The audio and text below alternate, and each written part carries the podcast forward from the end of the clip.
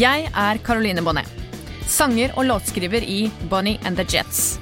Jeg har mange år bak meg med undring og vandring i dette sammensuriet av et musikalsk Texas som kalles musikkbransjen. Det er mange historier, mange skjulte fakta og ikke minst mange spennende folk som skjuler seg bak denne bransjen fylt av eksentrikere, nevrotikere og alle slags snodige outcasts. Jeg bestemte meg en kveld for at jeg ville forvandle denne nysgjerrigheten til å bli min egen podkast. Jeg kommer til å invitere forskjellige gjester fra bransjen som forhåpentligvis vil fortelle meg noe nytt som muligens verken jeg eller du visste fra før. Hver episode vil kunne belyse kjente og kanskje ikke fullt så kjente sider av nettopp musikkbransjen. Dette er hashtag bransjen.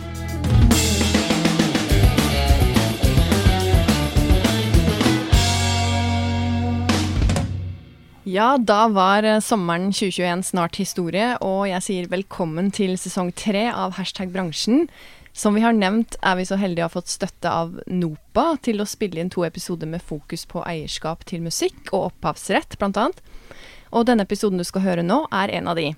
Så hvis du er artist, musiker eller bare over i gjennomsnittet nysgjerrig eh, på musikkbransjen, så burde du følge godt med, for her kommer vi nok til å avsløre en del nyttige facts, og kanskje også komme inn på noen spennende refleksjoner. I lekerommet i studio i dag så har jeg med meg to engasjerte folk som representerer bransjen på hver sin måte. Hans Ole Rian, velkommen. Takk. Og Jørn Hansen, velkommen til deg. Tusen takk. Eh, Hans Ole, du er forbundsleder i Creo, og har vært det siden 2013. Eh, du har variert utdanning innen musikk og ledelse, og er en engasjert eh, sjel også innenfor politikken, og stiller for øvrig til valg for SV, så jeg, det, i år. Det stemmer. Ja. Og ellers så har du et engasjement for musikere og artister, at alle skal få det de fortjener i en bransje hvor inntektene ettersom året har gått og ting har modernisert seg, kanskje har stagnert. Eh, du er ikke utøvende musiker sjøl, men du brenner da for musikk og kunst. Uh, Jørn Hansen, du er gitarist, bassist, produsent, låtskriver og ellers utøvende musiker i bransjen. Og veldig hyggelig å ha deg her i dag. Vi uh, kjenner jo hverandre fra Oslos Jam-scene. Uh, og du er jo for øvrig et uh, kjent fjes i uh, særlig Oslo, Oslos musikkscene, og har vært jamvert på en del åpne scener der. Mm. og ellers så er du jo over gjennomsnittet engasjert i forhold til det å ha en stemme i debatten for musikere i andredivisjon, som du kaller det sjøl. Før vi satt på record-knappen, så snakket vi jo litt om det å være musiker uh, i forskjellige såkalte ligaer. Det er jo kanskje ikke så kult å sette det i ligaer, men det er jo på en måte Man må jo sette ting i et system også. Ja, altså jeg har på en måte lekt litt med den tanken selv. Uh, og uh, det er jo ikke Jeg syns ikke det blir på en måte riktig å plassere folk etter ferdighet, fordi sånn fungerer det jo ikke alltid. Nei. Um, jeg vil ikke si noe vondt om Rolling Stones, f.eks. De er jo fantastiske låtskrivere mm. og alt, men det er mange gitarister som kunne tatt jobben til Keith Richards. Nå er det sikkert mange som syns jeg banner i kjerka, men, mm. men um, det, er litt, det, er litt, sånn at uh, det er ikke liksom det tekniske nivået som bestemmer hva du får betalt som musiker. Nei.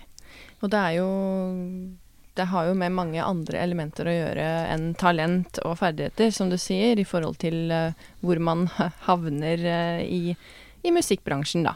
Ja, mm. åpenbart. Og jeg sier ikke nødvendigvis at det er noe galt med det heller. Uh, hva er viktigst? Å mm. være flink på gitar eller å skrive gode låter? Det er mm. vanskelig, å, vanskelig å sette fingeren på det, men vi bør i hvert fall snakke litt om ja, hvordan ting fungerer da, mm. i, i, i, forskjellige ligaer, kan man kanskje si. Ja. Divisjoner.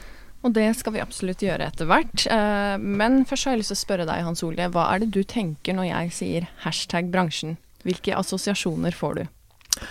Altså, bransjen er jo så mye, men vi har jo snakka mye om kulturbransjen det siste halve året. Og jeg tenker mm. mer på de som bedriver musikk, uh, og kanskje også tilhørende uttrykk uh, som åpenbart altså, i overveiende grad ikke er på noe støtteordninger eller statsbudsjett eller får så mye ut av Kulturrådet, men de som da driver for egen regning og risiko og prøver å overleve mm. i en uh, tøff, og, men samtidig ganske spennende bransje. Mm. Mm. Det er mest der jeg tenker at dette er bransjen. Ja. Jeg tenker meg også, Bransjen er mer enn musikerne, det, det er mer enn lyd- og lysteknikerne. Det er også de som er rundt, manager, booking, Mm, mm. de som arrangerer konserter og turneer. Så Ja. det, er ganske, det er en ganske stor del av næringslivet, egentlig. Ja, det er jo det. Og du da, Jørn. Hva tenker du, hva faller inn i hodet ditt når du hører hashtag bransjen? Ja, um, jeg er jo enig. Det er jo um, et stort økosystem, kan man si. Mm. Um, men det jeg kanskje kan si om det, er vel at ting Det er mindre penger i bransjen generelt. Uh, på grunn av eh, at uh, teknologifirmaene tar mye mer, da. Um, altså, vi har jo ikke CD-salg lenger, Mm. åpenbart. Uh, Mm. det, det, vi har noe på en måte litt sånne hippe forsøk på å gjøre kassetten uh, mm. kul igjen, og det er den jo, og LP-en og alt det der. Um, og, men det går på en måte mer nå under det band vil kalle merch, da. Mm. Eh, det, så det er liksom under T-skjortesalget der musikken selges, liksom. Ja. Um, mens Så den vanlige på en måte musikkonsumenten um, Slik som når jeg vokste opp, da, um, så var det jo sånn at jeg brukte jo kanskje uh, Ja, kanskje det var 1000 kroner i måneden, da. Minst, ikke sant, på CD-er. Mm. Uh, jeg har ikke noe tall på det, men det, det må være minimum. For Mm. Jeg husker jo det var liksom sånn å gå til CD-butikken liksom, og Ja. kjøpe ting. Eller for oss som er så gamle at vi kjøpte vinyl en gang i tida. Mm. Ja. Og, og begynte med det igjen, da, selvfølgelig. Ja, ikke sant. ja. Men uh, hva var det som definerte din inntreden i musikkbransjen da, Jørn? Har du noe spesielt minne fra det, eller altså, hva var grunnen til at du valgte å gå den veien? For det er jo en ganske hard uh, vei, sånn med tanke på, hva skal jeg si, det å leve i en stabilitet og sånn i livet, da. Ja, det var ikke et veldig gjennomtenkt valg. Nei. Um, men det skal jo sies at når jeg på en måte gikk all in for musikk, så var det jo fortsatt mulig å selge CD-er. Ja. Og det var fortsatt sånn at uh, man kunne ha på en måte sånn indie-band og ha en viss inntekt. Mm. Ehm, I hvert fall slik så det ut for meg, og jeg tror det er slik det er også, uh, hvis man ser litt på, på tallene fra den tiden. da. Ja. Ja, men Eh, det, og det, da- det stemmer det, altså. At uh, Mm. i CD-tiden så kunne et, eh, ganske mange band eh, spille inn CD-er og, Ja. og tjene på det. For du solgte gjerne, hvis det var Mm. litt kjent, en 4000-5000 CD-er. Og det var nok til å Mm. Både forsvare innspillingsutgifter og den de tida du brukte på å spille inn en CD, og kanskje ha litt til. Mm. Sånn er det jo ikke i dag. Men da spør jeg deg, Hans Ole, har du noe, er det noen grunn til at du aldri trådte inn i musikkbransjen? Altså, var det et bevisst valg fra din side? For du er jo Du kunne jo gått musikerveien hvis du ville. Du har jo en musikkutdanningsbakgrunn, og du har på en måte tatt et eh, bevisst valg på å ikke gjøre det til noe mer enn en hobby, da. Jeg begynte å spille så seint i, den klassiske sjangeren, og der må du Ja. være kjempegod veldig tidlig. Så, Ja. så til at noe utøvende musiker, det var i hvert fall ikke hovedveien. Selv om Nei. jeg har jo spilt uh, rundt omkring og fått, uh, fått betalt for det. Men Mm. så sikta jeg meg heller inn mot uh, pedagogikk og ble kulturskolelærer, men ble også dirigent. Og hadde jo en viss tanke om at jeg skulle liksom utvikle den siden da dro Mm. til utlandet og på sommerkurs og dirigerte symfoniorkester og sånt. Men så ble den jo tatt av den her fagforeningsverdenen, da. Og så Ja. det spennende i det. Ikke sant. Ja. Men øh, hva er det du tror folk misforstår mest med musikkbransjen, da? Altså, du er jo da forbundsleder i Creo, ikke sant. Du får veldig mange telefoner og henvendelser fra mennesker som er i bransjen og lever i bransjen. Eh, er det noe de som ikke vet noe om musikkbransjen, noe du tenker de eh, Ja, ikke ser? de ser ikke at selv om du er kanskje også ganske kjent, og til og med spiller i elitedivisjon, som ble nevnt her, Mm. så har du faktisk stort sett lave inntekter. Ja. Mye lavere enn det vanlige folk eh, tror. Altså Mm. Folk tror at uh, de fleste musikerne tjener godt, og så tror de også at de musikerne som er kjent, tjener millioner. Det Mm. stemmer jo ikke. Mm. Ja. Er du enig i den eh, oppfatningen der, eh, Jørn? Tenker du at det er mange Har du opplevd det? At mange kanskje tenker det om eh, musikerverden. At det er mer penger i den enn det det faktisk er. Absolutt. Um, det første jeg tenker på, er um, når vi, vi, skulle varme opp for um, Jeg tror det var Damien Marley, eller Steven Marley. Litt usikker, okay. faktisk. Uh, og da husker jeg at Fordi vi var jo der på oppvarmingen, og så Etterpå så var vi på konserten og koste oss uh, veldig. og så la jeg da merke til etterpå at uh, nå sitter jo da um, sønnen til Bob Marley og signerer plater mm. i bilen etterpå. Mm. Og så tenkte jeg ja, det er jo faktisk en del av jobben nå. Mm. Eh, må, han, han, har gjort liksom Han har reist, mm. han har spilt konsert, øh, ja. levert alt. Mm. Og så må han sitte Og det, jeg vet at han ikke gjør det bare av glede, liksom. For han, mm. fordi det, de blir sittende en time, liksom, eh, halvannen, for å selge merch, da. Ja. Ja, det var litt sånn wake-up call, kanskje, på et vis. At du så at oi, en veldig kjent artist øh, faktisk må bruke, bruke av uh, tiden etter konserten på å selge ting. Jeg våkna ikke akkurat, men, men, jeg ble i hvert fall mer bevisst på at uh, det er ikke bare um, oss som spiller i andredivisjon som har smalhans, da. Nei, ikke sant. Ja. ja. Men det har jo blitt en helt ekstrem sammenpressing i også musikken på verdensbasis. Det er jo mm. stadig færre som tjener stadig mer, mm. og så er det stadig flere som tjener stadig mindre. Mm. Det har blitt sånn de siste 10-15-20 årene, spesielt etter at mm. Spotify kom og de mm. andre strømmetjenestene. Ja, det snakker man jo også om at liksom plateselskapene har jo blitt Nå er det vel kun tre igjen. Mm. Uh, tre store, ja. ja. Og de har all makt. Mm. Og når du nevner Spotify, så er jo det kanskje det, det styggeste som skjer i bransjen, er jo at uh, de tre plateselskapene styrer også strømmetjenestene. Mm. Uh, så hvis jeg nå lager en uh, superkul låt på Spotify og får 50 millioner strømninger, mm. så får ikke jeg samme betaling som Beyoncé gjør når hun får 50 millioner strømninger. Mm. Og det er jo litt merkelig da at Beyoncé som strømmer så ufattelig mye mer, mm. skal få også mye mer per mm. strøm mm. enn eh, andre får. Ja. Når det er sagt, så, så Spotify tjener jo heller ikke penger ennå. Så det er jo noe sånn grunnleggende feil med hele den forretningsmodellen. Hva mener du? Altså, Gjør de, ikke det?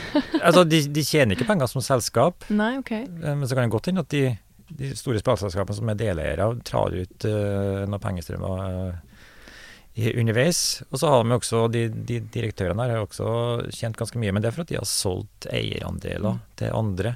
Ja. Kjøpt og betalt. Ja. Det er store penger i de systemene der. Mm, ja. Men jeg har lyst til å vite litt mer om Creo. Ja, at du kanskje kan fortelle litt. Hvem er Creo? Eh, hvorfor er det viktig at vi artister og musikere kjenner til dere? Og eventuelt Uh, hvordan er det man melder seg inn, eller ja, litt sånn for de som hører på som ikke er klar over hvem dere er. Altså, vi er jo både en eh, sånn typisk eh, fagforening med, mm. som driver med tariff og arbeidsliv og arbeidsmiljølov og kontrakter og sånt, men vi er også mm. en slags interesseorganisasjon som, som jobber for interessene til, til kunstnere. Altså, vi er jo mye mer enn en musikere. Første er jo musikere i alle sjangre. fra svartmetall til barokkmusikk og alt mm. som er imellom. Men også lyd og lys og sceneteknikk.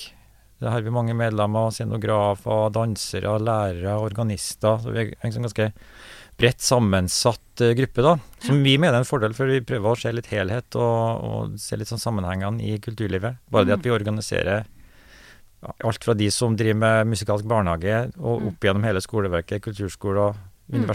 også til de som da er utøvere, og også de som er rundt utøverne, ja. gjør at vi får et sånn stort og helhetlig blikk på mm. hele norsk kunst- og kulturliv. da. Mm. Så vi prøver også å jobbe for helheten. Og det er kanskje ikke alle andre som, som har som mandat. Så er vi jo ganske mange blitt. Vi er jo snart 10 000 medlemmer. Mm. Det vil si at vi blir store, og vi blir lytta til. Vi har en ganske, ganske kraftig og flink administrasjon snart 30 stykker som jobber på kontoret for den mm. gruppa her.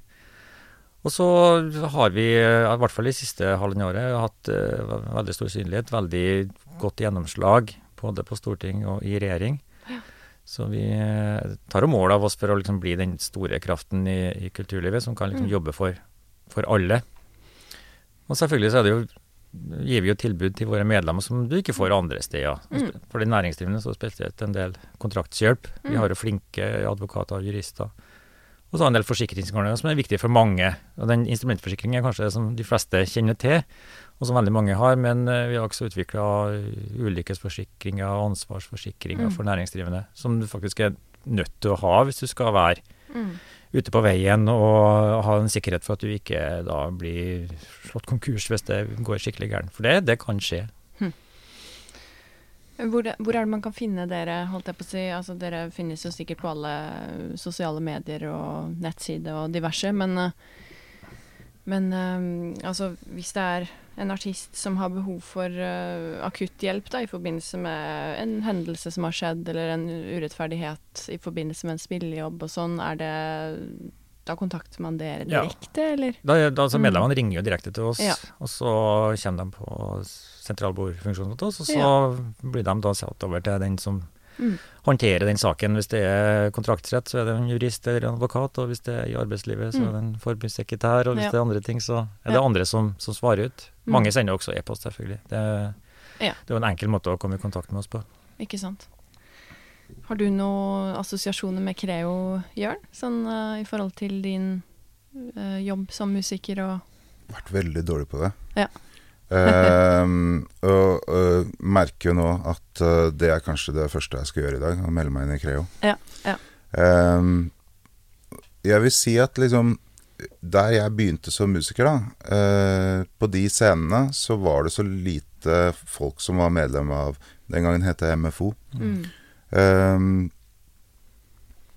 men det, det, jeg har tenkt mye på, er denne her uh, minstesatsen da, som um, mm. Creo har. Um, og det er jo sånn at for en konsert så skal man ha minimum 4844 kroner, stemmer ikke det? Jeg tror det tar beløpet nå, ja. Ja. ja. Um, og det er jo Jeg syns jo det er et riktig beløp for en konsert hvor man har innstudert materiale og uh, øvd inn materiale og Uh, ikke minst at uh, en musiker faktisk har lært seg å spille et instrument. Det er veldig få som egentlig vet hvor mye dedikasjon det krever. Mm. Um, men så vil jeg også si det at på en del scener så er det et litt uoppnåelig tak. Mm. Um, og da er det litt vanskelig å vite hvor man skal starte forhandlingssituasjonen, da. Fordi hvis for eksempel uh, det er ett sted hvor vi alle har spilt, som heter Queens Pub i Oslo. Kjenner til det stedet. og, det er sånn, noen ganger. og det er sånn, det er et veldig gøy sted. Eh, det er et knøttlite sted hvor det mm. står eh, liksom alt av instrumenter liksom sånn raklete satt opp. Uh, det, er, det, er, ikke høy kvalitet på alt av backline der, men det gir noe lyd, da. Ja. Eh, og så har det liksom vært alt mulig fra eh, For det er en åpen scene, så det er alt mulig fra de som eh, knapt har liksom klart å stable tre akkorder sammen på en gitar, til helt topp musikere som har vært innom. Liksom det, det beste vi har i landet, liksom. Mm. Eh, men som regel så ligger det liksom et sted på andre divisjonen der, da, eh, som, som, hvor vi spiller, ikke sant. Eh, men poenget er at stedet er jo da så lite eh, at mm. de kan liksom ikke tilby så mye hyre. Eh, og da er det liksom vanskelig å vite hvor man skal på en måte jeg, for eksempel, jeg har blitt tilbudt av noen kvelder for å organisere, da. Og da syns jeg det er flaut å ringe en del trommeslagere og en del dyktige folk. For jeg vil ikke ringe de som ikke er dyktige, ikke sant. Mm. Jeg vil bare ringe de, de jeg kjenner som for jeg kjenner mange som er, mange som er i første divisjon, da. Mm. Uh, veldig mange flinke folk, ikke sant. Um, og de sier jo ja til å være med når de har tid. Mm. Og de syns det er gøy. Um, men så føler vi også Eller jeg føler i hvert fall veldig på det at jeg undergraver uh, musikkmiljøet og, og um, på en måte retten vår til, til anstendig inntekt da, ved å Mm. si ja til de jobbene. Mm. Fordi det er så dårlig betalt at det egentlig bare blir symbolsk. Ja, altså sånn, eh, Vi kan jo være helt konkret, for det, Mm. det er jo Ja. 1000, ja. kroner per Ja. mann. 1000 kroner per mann, ja. Ja, og, og det, da er, eh, det er dårlig for å sitte der i flere timer og spille.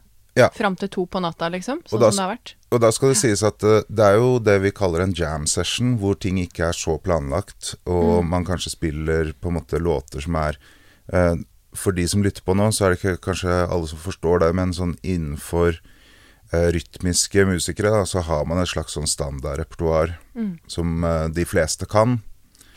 Um, og hvis man ikke kan det, så har man ting som heter real book, f.eks. At man kan slå opp noen akkorder.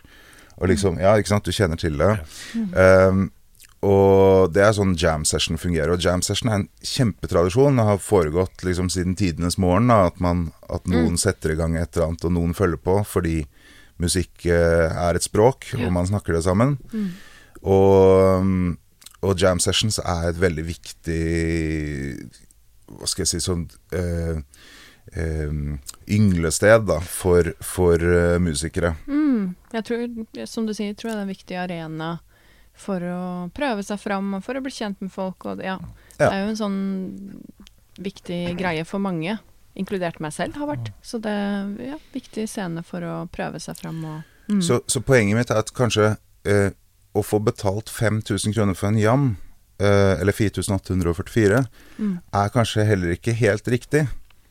Eh, fordi det er Mm. ikke konsert. Neida. Og det, det er mindre arbeid. Men igjen så er på en måte 1000 kroner for lavt igjen. Mm. Og, og, og da mener jeg at det, det er et eller annet vi må, vi må finne noen flere steg, da. Ja. For det er jo veldig forskjell, da, for å si det mildt, mellom tusenlapp og fire-åtte, som nesten da er fem ganger mer. Ja. Eh, hva tenker du? Stor forskjell. Ja, dette var en diskusjon som var oppe sånn opp imot eh, 2014, da vi gjorde det vedtaket. Og Ja. da vi så da, var jo at kronebeløpet har stått helt stille Ja. for sånne typiske klubbjobber, småscener og sånt i, i 20 år nesten. Ja, det er jo helt vilt. Ja, det var helt vilt, ikke sant. Dette måtte vi bare gjøre noe med. Ja. Så da Det vi gjorde, var jo å regne ut altså hvor mange konserter kan du uh, forsvare å spille i løpet av året. Hva er en Mm. vanlig gjennomsnittlig inntekt i Norge? Mm. uh, så et regnestykke på det, havner på et beløp. Ja. Uh, og så var vi selvfølgelig klar over det at det var ikke alle steder du kunne få det. Og, og så var det jo mange steder du får mye, mye mer, selvfølgelig, for du har jo Hvis du er et stort band og sånt og spiller Ja, for ja. mange. Så, så det, var en, det var en anbefaling at det mer som en start på en forhandling. Vi anbefaler at vi starter forhandlinga her, ja. og så får du da prøve å, å gjøre det så godt som mulig. Og det var også sett at mange brukte det som en, eh, den første knaggen. Så at, Ja. fint, nå vet vi hvor vi skal starte hen. Mm. Og mange har også tatt det helt ut og sagt at eh, ja, dette er egentlig prisen, og så står det i kontrakten rabatt. Mm. Men da for å synliggjøre at egentlig burde vi ligget her, Ja. men vi ser det at på det stedet her så er det kanskje vanskelig å oppnå det at vi kanskje ikke har den markedsverdien som skal til for å få den prisen også. Mm. Så gjorde vi noe annet som, eh, som vi mener var veldig fornuftig, var at vi allerede da vedtok at denne skulle eh, lønns- og prisvekstjusteres hvert eneste år. Okay. For da har vi også sett at i et fritt marked, i dette frie, markedet, så fungerer ikke den eh, årlige oppjekkinga av, eh, av honorar. Nei. Eh, pengebeløpet står stille, eller blir ikke oppjustert like mye som eh, prisveksten ellers i samfunnet. Mm. Mm.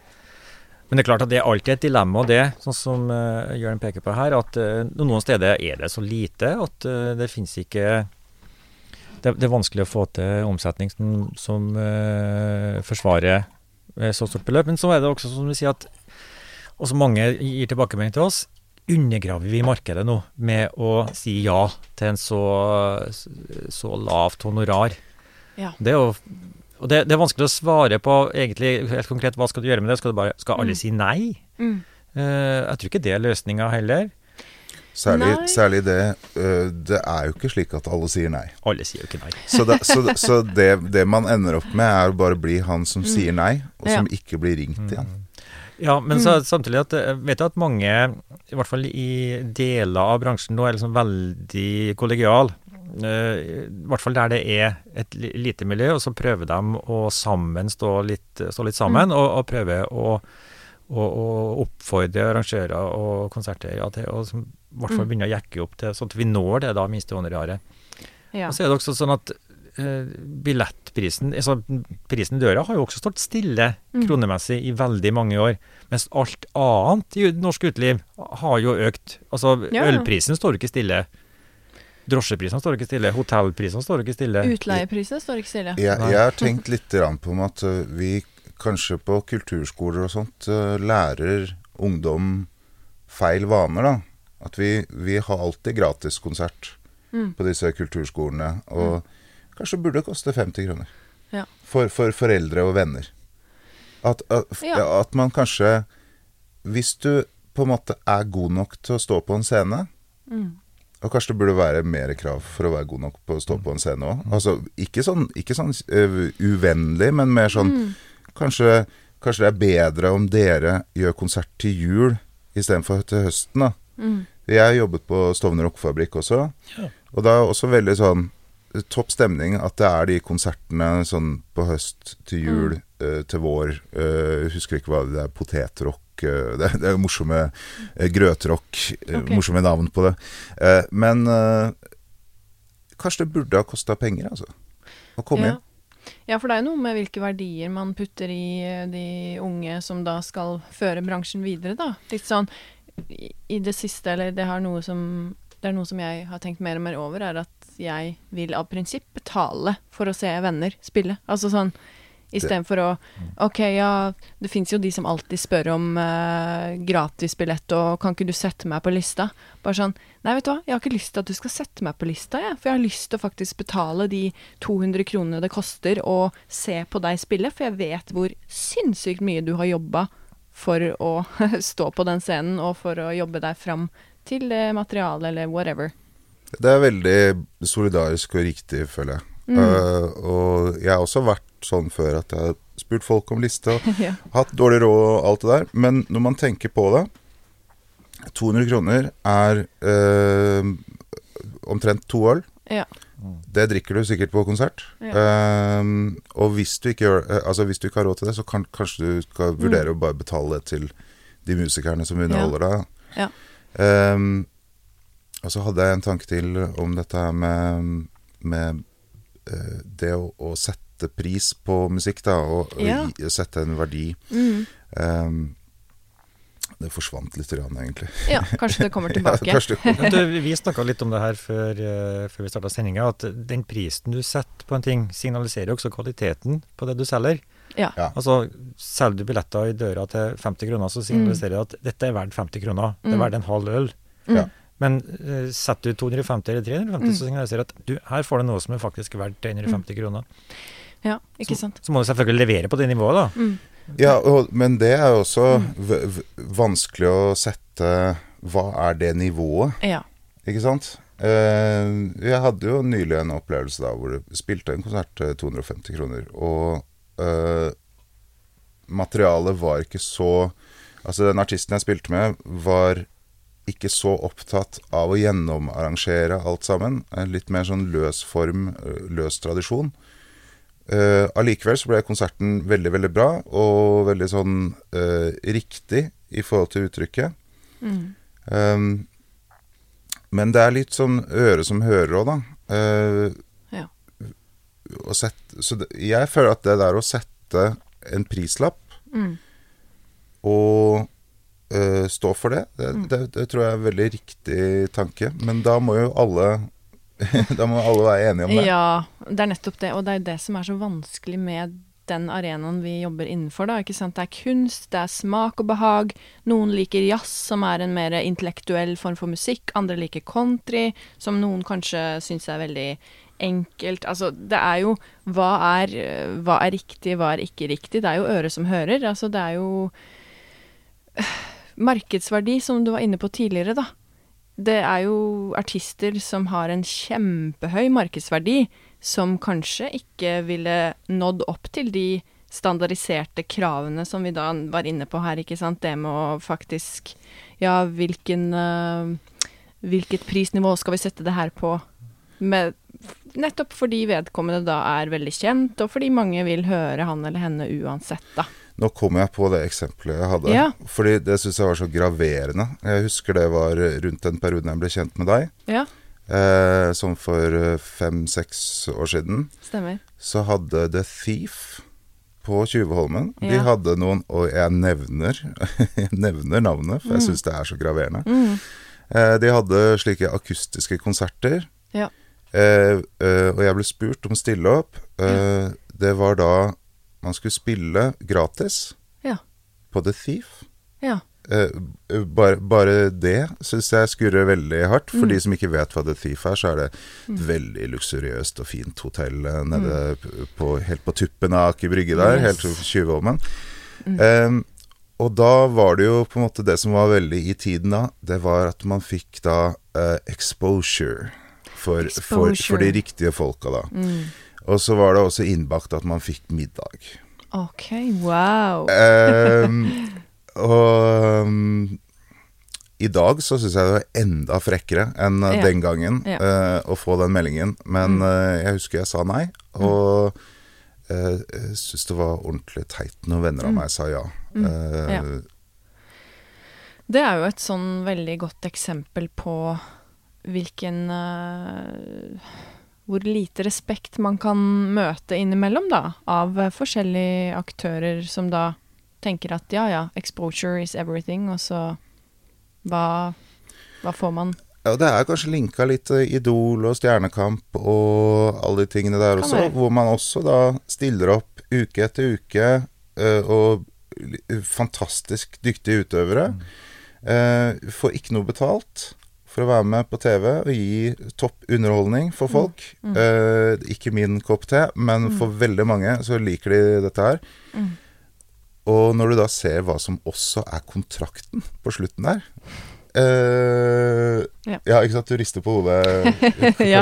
Vi har eh, sett si litt om det, Hans Ole. Vi har sett noe av disse kontraktene, eh, Idol, Voice og de andre. Spe spesielt ikke Stjernekamp, for det er litt andre folk. Men Ja. spesielt er eh, unge folk Uh, har en slags forventning om at de skal bli superstjerne og Mm. bli kjent og få inntak. Og de kontraktene der, de er vel Og vi har sett mange kontrakter. De kontraktene er noe av det verste som finnes i, i norsk uh, musikkliv, eller, eller norsk samfunnsliv eh, totalt sett, altså. Eh, Så dere har satt, satt ned foten mye der, eller? Ja, vi har i hvert fall prøvd å, å bistå enkelte Mm. av våre medlemmer som Ja. har fått tilbud der, og sagt at eh, Mm. det her bør du i hvert fall tenke deg om mange ganger før Ja. du skriver under på. Ikke sant. Eh, noen har jo betegna disse kontraktene som en slags slavekontrakt. Det er vel kanskje en grunn til at det ofte er nummer to og tre i finalen man hører om videre etter disse konkurransene. Mm. Det er nok det. Og Ja. det er jo ikke så veldig mange heller som har fått noen sånn kjempekarriere etter en, en runde i disse programmene. Selv om det er jo Kurt ufattelig. Nilsen. Kurt Nilsen gjorde det. Ja. Det, Men det er veldig mange flinke folk der. Fantastiske ja, ja, ja. musikere, Veldig artister og masse Veldig masse kolleger som har vært innom de programma der, og det er jo selvfølgelig fra alle deler av musikklivet. Mm. Mm. Men det er ikke sikkert at det er en eh, god start på en eh, lang karriere i norsk musikkliv. Det er ikke sikkert. Nei. Nei. Jeg tror vel det eneste positive om de programmene der er at de har veldig dyktige livemusikere. Det har de, heldigvis. Det er bra. Men hvor mye betalt får de? Nei da. Det Jeg vet ikke. Nei, det vet ikke jeg Eh, heller. Vet du? Jeg tror ikke det er så ille. Eh, Nei. jeg tror faktisk at eh, de som sitter i bandet der, Ja. har noenlunde ok vilkår. Det er godt å høre det, da, i hvert fall. Mm. Ja. Men jeg er ikke sikker, jeg har ikke sett de kontraktene, Nei. jeg altså.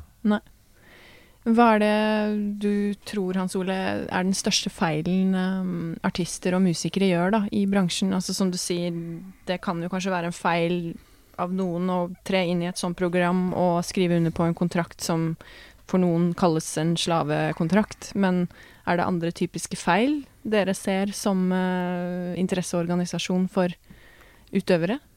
Og det er mye, eh, Ja. dessverre. Eh, den største feilen er nok å ikke skrive kontrakt Ja. før du gjør en avtale med noen, eh, om- Mm. om det så er til booking, management, konserter, turneer, Ja. festivaler, hva som helst. Mm.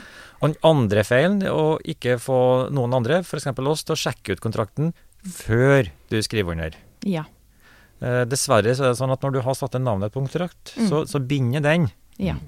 Og det er faktisk også lov å skrive under kontrakter som er ganske ræva. Mm. Det er ikke noe forbud mot å inngå dårlige avtaler. Nei. Det er eh, Det burde det nesten vært, tenker jeg. Sånn i, i verden generelt. At man burde ha litt mer forhåndsinfo. At vet du hva, ikke tenk deg godt om nå, før du skriver navnet ditt. Ja, Der. altså, Det hadde vært en fin verden hvis alt var sånn Ja. rettferdig handel. Ja, det hadde vært veldig fint. Det er en veldig, veldig fin utopi, i hvert fall. Men det er kanskje litt av hovedproblemet til musikere. At jeg, jeg tror mange musikere tror på den verden. Jeg tror veldig mange av oss er naive og, og tror veldig godt om folk. Eh, Skjønner ikke hva du mener. Vi er, gode mennesker, ikke sant. Eh, Tror godt om folk, er hyggelige og imøtekommende. Og, Ja. og kanskje også, for å si det, litt naive noen ganger. Mm. Ja. Altså, skriv kontrakt for alt du gjør. Selv om du jobber sammen med folk som du har vært barndomskompiser med. Mm. Så øh, vi har ofte dessverre sett det at gode vennskap ødelegges også Mm. ofte fordi at folk ikke har satt seg ned og sånn skrevet ned hva de faktisk har blitt enige om, eller faktisk også funnet ut hva de bør bli enige om. Ja. Før de faktisk lager en, et band eller drar på Mm. en svær turné eller begynner å spille inn uh, album. Mm. Så det mitt, Min konklusjon på svaret ditt er da egentlig skriv kontrakt. Det, Skriv kontrakt. det er liksom eh, den største feilen eh, mange gjør, da. At de ikke lager gode avtaler på ting. Ja. Ja. Skriv kontrakt, spør noen voksne. Spør noen voksne, dere.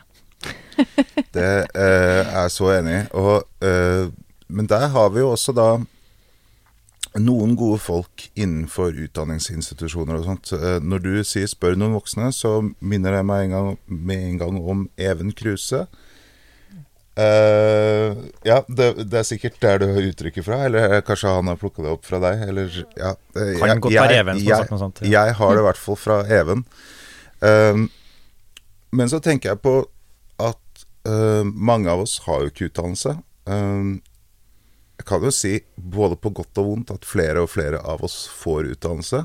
Uh, jeg vet ikke hvorfor jeg sier på vondt, egentlig. Jeg tror, jeg tror det egentlig bare er godt at man får uh, en utdannelse som musiker, uh, Ja. faktisk, som det ser, ser på det. Men, men um, det er lite prat om, uh, om eh, kontrakter i et studieløp. Ja, det har jeg hørt. At det er egentlig ganske lite info man får om sånne administrative, såkalt kjedelige ting, da, som egentlig er kjempeviktig. Ja, men jeg tror kanskje problemet er at det er på en måte én forelesning, kanskje, Ja. om musikkbransje. Mhm. Eh, sånn var det i hvert fall for meg på bachelor på musikkvitenskap. Mm. Eh, og hvis du da går glipp av den forelesningen, Mm. så er det på en måte Da får du ikke noe mer om den. Mens det kanskje burde vært sånne små drypp hele tiden. Sånn eh, Ja. Ja, Det er altfor lite kunnskap om det å drifte seg sjøl. Altså Ja. det å drifte bedriften din, Mm. og om kontraktsrett, opphavsrett, eh, hvordan du forhandler, Ja. markedsmekanismer, prissetting. Mm. Altså, hvis en setter litt på spissen, alle som skal ut i denne bransjen her, burde jo ha tatt et år på BI. Ja. Det er veldig sant. Selv om det kanskje kan være litt eh, kjipt. Jeg bare, jeg bare forestilte meg det. Nå, nå må du ta også en del kollegaer på BI. Ja. Ja, ja, det er i grunnen uh, morsomt bilde, det, men du ser, du ser ikke for deg neste år Nei. på BI sjøl? Uh, nei, men jeg er helt enig i tankegangen. Jeg, jeg synes, men jeg tror at vi trenger mer sånn jevnlig påfyll. Ja. Og, og at vi trenger en, en kultur, ikke minst en kultur i bransjen, Mm, om at, om at liksom kontrakt er det man alltid skriver før en spillejobb. Ja. Fordi alle er på den der ja, Man driver og man driver og liksom forhandler om gratis øl og sånne tulleting, liksom, som ikke, ikke har noen ting med noen ting å gjøre. Og så Nei, men kontrakt, det, det har vi liksom aldri Ja, nei, det burde være mer i eh, bevisstheten vår, absolutt. Men eh, du tar jo utdanning innen musikk, Jørn. Eller er du nettopp ferdig? Jeg har ikke helt uh... Ja, jeg vet ikke sjøl. Du vet ikke sjøl? Nei, du, du Jeg, jeg, er eh, ferdig, jeg er ferdig med en bachelor. Ja, okay. uh, Og det gjorde jeg jo lenge etter at jeg har liksom hatt en musikerkarriere. Ja, Nesten pensjonert, føler jeg meg nesten. ja, ja. Sånn, ja. eh, I hvert fall midt i livet, da. Ja. Eh, så valgte jeg å ta en utdannelse innenfor musikkvitenskap. Føler du at det var et godt valg? At du tenker at det har gitt deg mange fordeler sånn for videre virke? Ja, det føler jeg. Ja. Um, så kan man si litt sånn om det studiet var helt uh, riktig for meg, for det er Mm. også et veldig mye humaniora-fag. Ehm, Ja. Men sånn generelt i musikkfagene og sånt, uh, så alle musikere burde. Ha noen musikkfag fra, på universitetsnivå. Det er Mm. utrolig bra å ha. Mm. Om du så spiller i punkband, liksom. Ja, ja, ja. Bare gjør det, liksom. Altså, Sjøl en punkmusiker kan ha godt av litt kontrapunkt. Mm. Ja, absolutt. Så du tror at du, altså en musiker med utdanning vil generelt klare seg bedre kanskje enn en som ikke har formell utdannelse, eller? Det er Eh, vanskelig ja, å jeg- svare på, kanskje. Jeg, jeg, tror det er sånn på det store På det store bildet Ja. Det er klart det at hvis du kommer opp med liksom det tøffeste rockebandet som, som bare klarer å skrive dødskule låter Du trenger ikke utdannelse for det, men, men uh, hvis man vil, vil ha et langt liv i bransjen da, som Mm. musiker, Mm. så er det jo klart at man bør ha bredde i det Ja. man driver med. Eh, Hvilke politiske føringer tror du, eh, Hans Ole, er hovedgrunnen til at Nå er jeg tilbake på det honorarsnakket igjen, da, men hva er det som skjedde politisk som gjorde at det ble så skakkjørt? Nå er jo det kjempebra at i 2014 så kom det denne her minstesatsen som ble oppjustert, eller ja. Men hvorfor gikk det så gærent? Hvorfor? Og det, er mange variabler som slår inn på det. Ja. Ting er at det ble mange flere musikere. Ja. Altså det Markedet ble eh, Overmetta. overmetta. Ja. Og så fikk vi en trend, eh, og, og jeg var med på det sjøl, altså at eh, det ble så populært å etablere eh, enkelt, enkeltpersonforetak, eller enkeltmannsforetak som det het på den tida, ble selvstendig næringsdrivende. Og så begynte mange også å kreve at du tok ting på faktura i stedet. Mm. Altså, I gamle dager, så hvis du troppa opp på NRK og skulle gjøre en spillejobb der, som det så bare var for en kveld, så hadde du med skattekort. OK. Var Så du, du ble med i, i, i det systemet der, for da hadde du jo Mm. sykepenger og omsorgspenger og sånt. Mm. Men så ble det en trend med at alle skulle ha et, eh, et eget firma. Eh, Det var én av grunnene. Og så ble jo betalingsviljen flata ut. Eh, Så var det mye annet som skjedde. Og så på den tida der så solgte jo CD-er, så du hadde litt sånn inntekt derifra. Så det var ikke så viktig Mm. å presse honorarene opp på, på klubb og turné heller, for at du, du solgte såpass med CD at du fikk inntektene derifra. Ja. Altså De store, store artistene solgte jo mange hundre tusen plater i året. Mm. Det er klart det, Da var ikke liven så viktig. Nei. Nå er det jo helt motsatt. Nå er det jo live som skal gjøre alle inntjeninger. Du, det er jo stort sett Ja. det du tjener på. Men på steder da, som f.eks. Uh, gir et, en viss sum penger til et band eller en duo eller ja, uh, så er det jo da veldig ofte, som jeg har sett, at de får veldig mange publikummere inn, og så er det en såkalt betale seg inn for døra-greie, og så er det jo da utestedet som sitter igjen med alle pengene for ølsalget og sånn, og det syns jeg, sånn fra et artistperspektiv, egentlig er ganske urettferdig, da. For man har jo på sett og vis gjort at det stedet har livemusikk den kvelden, og så Det virker så skakkjørt for meg, da, egentlig, at de da skal kunne sitte med overskuddet, men så er man med på tapet. Jo, men Du har helt rett. Eh, Det, det Markedet og, den, den, den bransjen her har blitt helt sånn skakkjørt. ikke Ja. sant? At det, vi som musikere vi står der med lua i handa og bare ber pent eh, Mm. om å få lov til å spille. Det, Ja. det er jo nesten blitt sånn noen steder. Men hvorfor er det lov? Altså, hvordan skal man kunne gjøre at det er vanskeligere for utesteder å lage sånne urettferdige dealer, da? Vi må bli tøffere på vår side og Ja. kreve høyere honorar. Ja. eh, Stå litt sånn solidarisk sammen. Eh, Så må vi jo kanskje også se på og begynne å kreve at eh, det blir tatt billett Mm. skikkelig billettpriser i, i døra, Ja. og at overskuddet blir fordelt på de som står på scenen også. Mm, mm. Men så må vi også se på oss selv. Altså, er vi flinke nok til Mm. å være solidarisk, stå sammen, eh, Mm. skrive kontrakter, skrive dem under på forhånd, Ja. snakke sammen? Og kanskje også være litt mer åpen på hva er det vi får på de forskjellige stedene. Mm. Det har vært litt sånn hemmelig eh, Ja, hva du tar og hva du får, Mm. og hvordan eh, Mm. pengestrømmen din er. Ja. Kanskje skal vi være litt mer åpne med hverandre og si at Ja. uh, der fikk jeg så og så mye. Mm. Det er et godt poeng. Altså, hvorfor, hvorfor skal det være så Ja. hemmelig, liksom? Veldig bra at du bare var så åpen om det i stad rundt uh, den her eh, jam session-snakket vi hadde. Bare ja, ok, hvorfor ikke bare si det? Ja, det var så og så mye man fikk. Eller man får. Ja, det er jo, det er jo flaut. Jeg kan jo også si liksom at uh, fikk jo betalt 5000 kroner for å liksom stille opp med en kassegitar og synge noen låter uh, i et 60-årslag. Mm. Så det er liksom Ja. det, det, de, de går liksom Ja. fra det ene til det andre, da. Mm. Og, eh, men det jeg tenkte jeg skulle ta tak i, da, øh, i forhold til den Creo-satsen At jeg hadde satt veldig pris på om det var øh, differensierte satser ut ifra hvor mange sitteplasser det var, f.eks. Ja. Det er et godt poeng. Vi prøvde, eller vi diskuterte det også, det har jeg gjort det flere ganger, men det finnes at det blir fryktelig komplisert å ha veldig mange satser. Og, og det er jo sånn at i, i, et sånt fritt marked som det egentlig er, så skal en være litt forsiktig med å Mm. drive det som i andre deler av næringslivet kalles for kartellvirksomhet. Altså at du blir enige om priser. Mm. Konkurransetilsynet kan si noe om det. Eh, De har Mm. ikke gjort det fram til nå, jeg ikke de kommer til å gjøre det heller. Men vi skal være litt sånn forsiktige med å ha altfor mange satser. Mm. Og så er det jo I prinsippet er det jo et fritt marked. Altså du, du avtaler jo sjøl og forhandler sjøl. Mm. Det er jo ikke noe tariff, det her.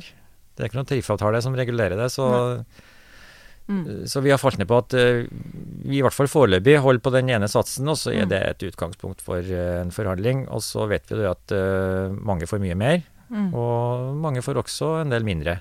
Eh, når du ser tilbake på din karriere innen musikk, da, Jan, er det noe du ville gjort annerledes? Sånn, ville du skrevet flere kontrakter, kanskje? Fra du var uh, ung og lovende tenåring på scenen til, uh, til nå. Er det noe spesielt du, noen spesielle råd du ville gitt deg sjøl? Nå er det alltid en uh, dårlig øvelse å gå tilbake i tid og prøve å forandre Det er en dårlig øvelse, men Ja.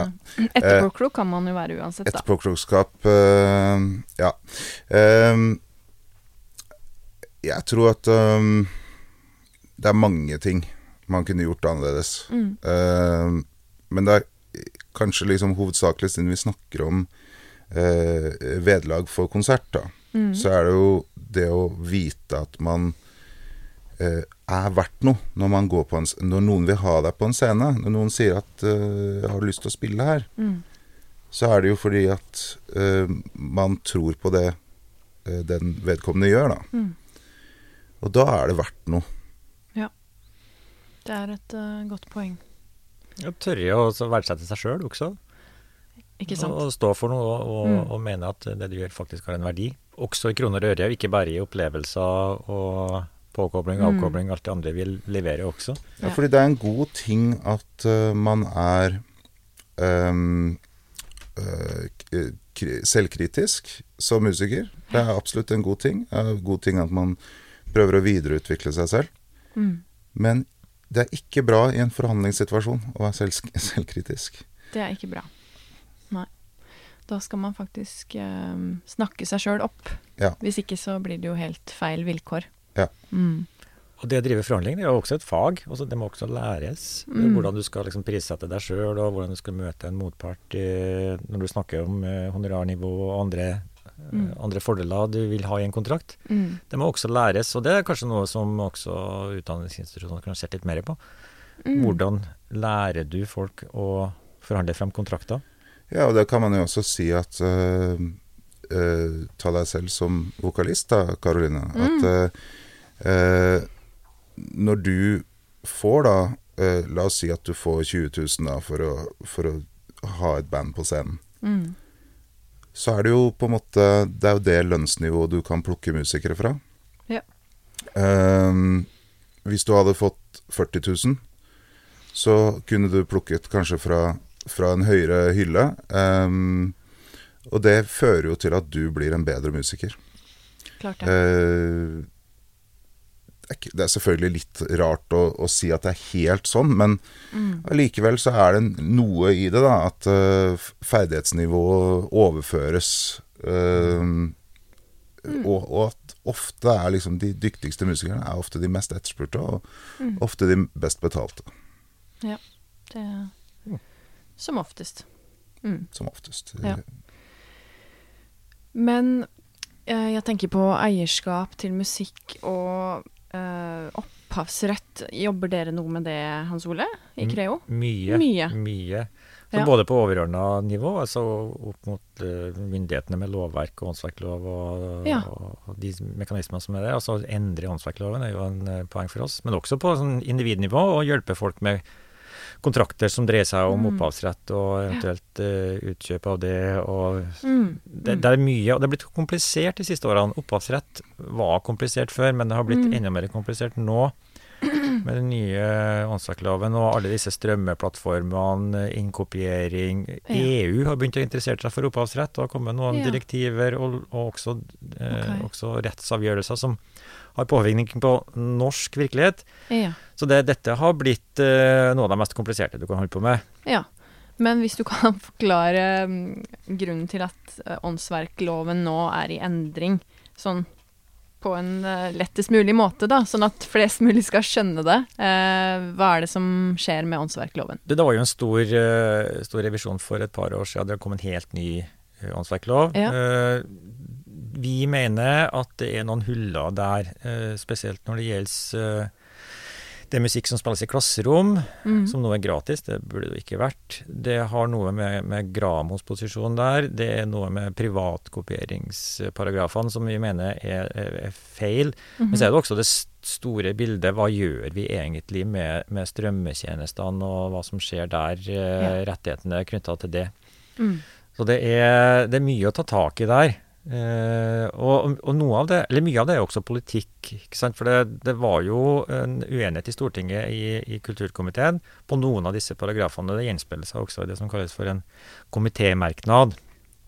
Der det var eh, forskjellige oppfattelser, og det ble da rett og slett stemt over. Og med et borgerlig flertall så ble det jo de borgerliges eh, synspunkter som nådde fram. Mm. Og det er jo ikke til å legge skjul på at eh, vi skulle nok ha ønska at eh, de synspunktene som eh, de rød-grønne partiene fremma i, i den behandlingen der, kunne Mm. blitt gjeldende lov. Ja. Så vi, vi ser jo fram til et stortingsvalg nå, og så Mm. håper vi at det kan bli noen uh, muligheter der, Ja. med en, kanskje en ny regjering. Mm. Mm. Er det noen spesielle tanker du har rundt uh, eierskap til musikk eller opphavsrett, Jørn? Sånn eh, i forhold til det å skulle få f.eks. Uh, penger når man spiller sin egen musikk, da.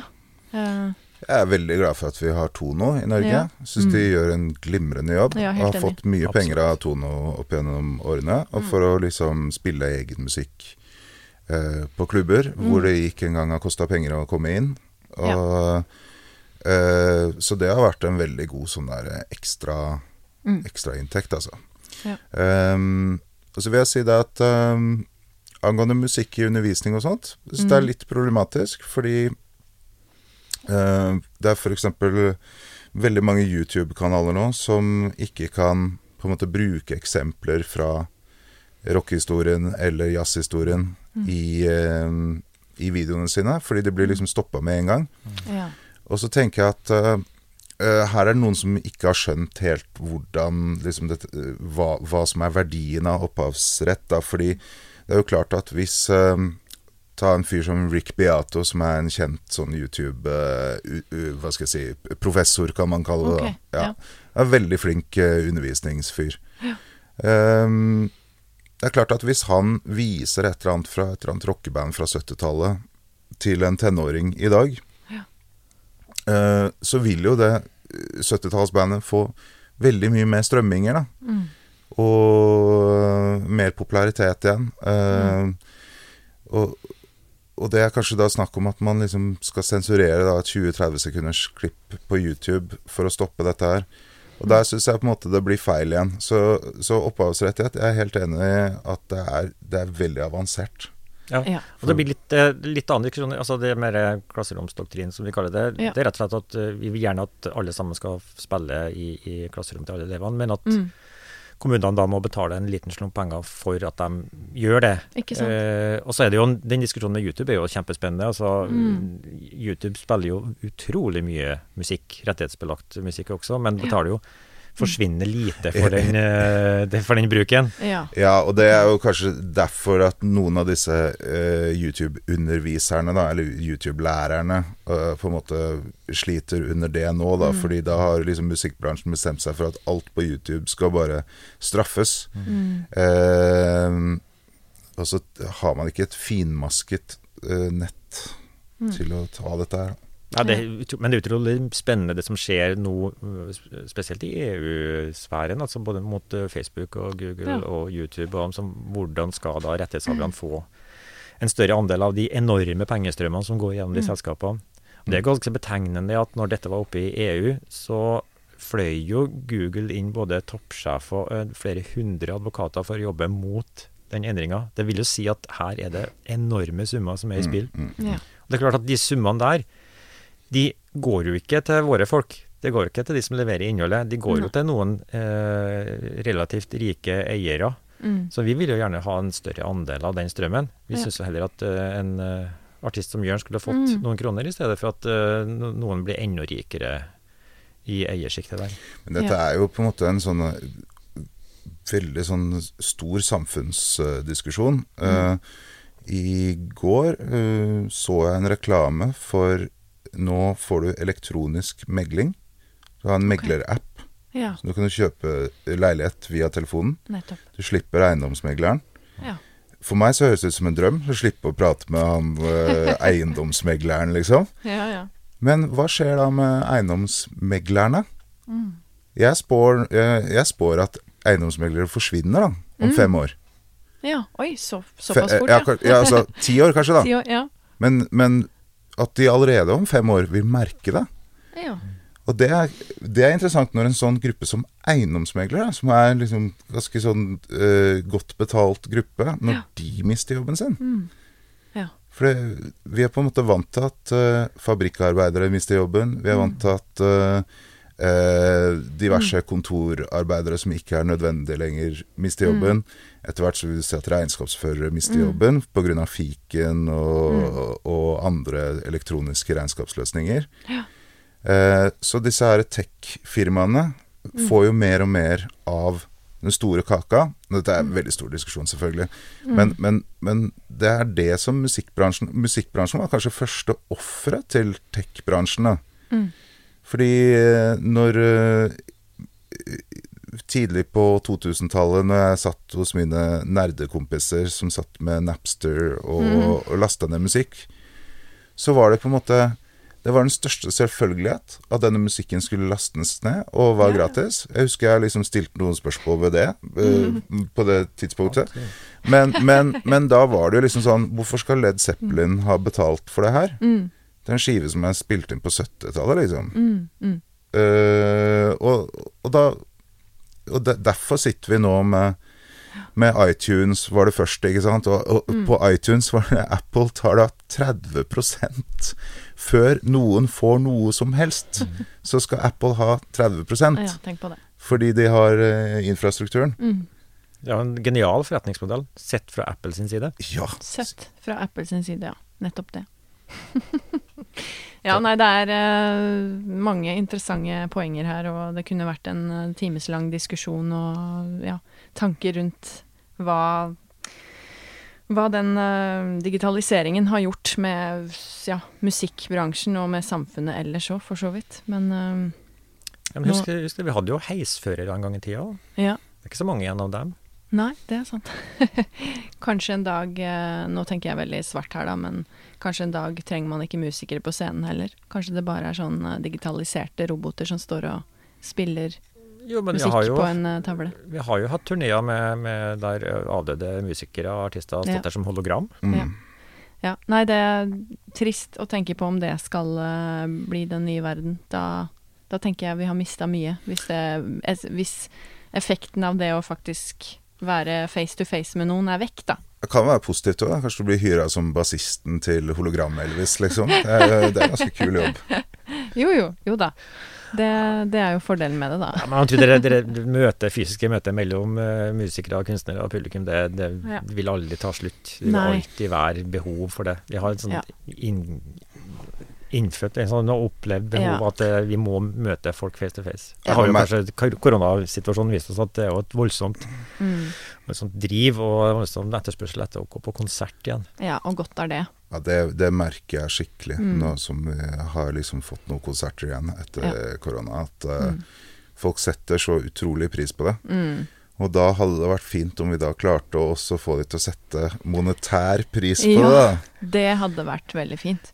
Ja. Hvordan skal man få folk til å sette mer pris på konserter? Altså få folk til å bli villige til å betale mer for det, da? Jeg, tror, jeg tror folk er villige til å betale. Tror du Eh, det? Ja.